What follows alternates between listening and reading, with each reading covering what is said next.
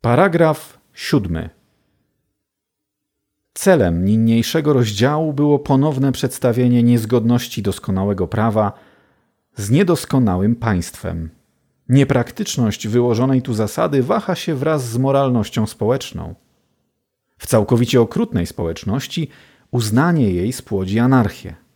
W absolutnie cnotliwej uznanie jej będzie zarówno nieszkodliwe, jak i nieuchronne. Postęp w kierunku stanu zdrowia społecznego, to jest stanu, w którym remedia ustawodawstwa nie będą już potrzebne, jest postępem w kierunku stanu, w którym te lekarstwa będą odrzucone, a autorytet przepisujący je pozbawiony poparcia. Te dwie zmiany są z konieczności równorzędne. Ta moralność, której przewaga uczyni społeczeństwo harmonijnym, a rząd zbytecznym, jest tą samą moralnością, która każe każdemu człowiekowi domagać się uznania jego wolności, nawet w zakresie ignorowania państwa. Jest tą samą moralnością, która poprzez powstrzymanie większości przed zniewalaniem mniejszości ostatecznie uzna rząd za niemożliwy.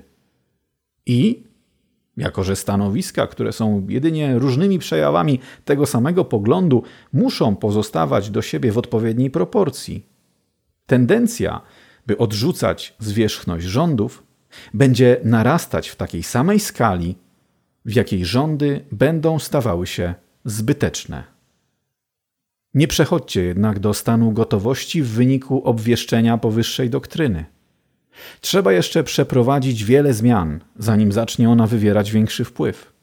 Prawdopodobnie sporo czasu upłynie, zanim prawo do ignorowania państwa będzie powszechnie uznawane, choćby w teorii. Upłynie go jeszcze więcej, nim doczeka się ono ustawowego uznania.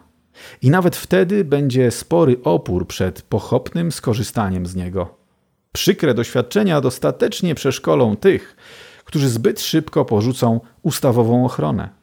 Tymczasem wśród większości ludzi panuje takie umiłowanie wypróbowanych układów i tak wielki strach przed eksperymentami, że prawdopodobnie nie poprą oni czynnie tego prawa jeszcze długo po okresie, w którym stanie się to bezpieczne.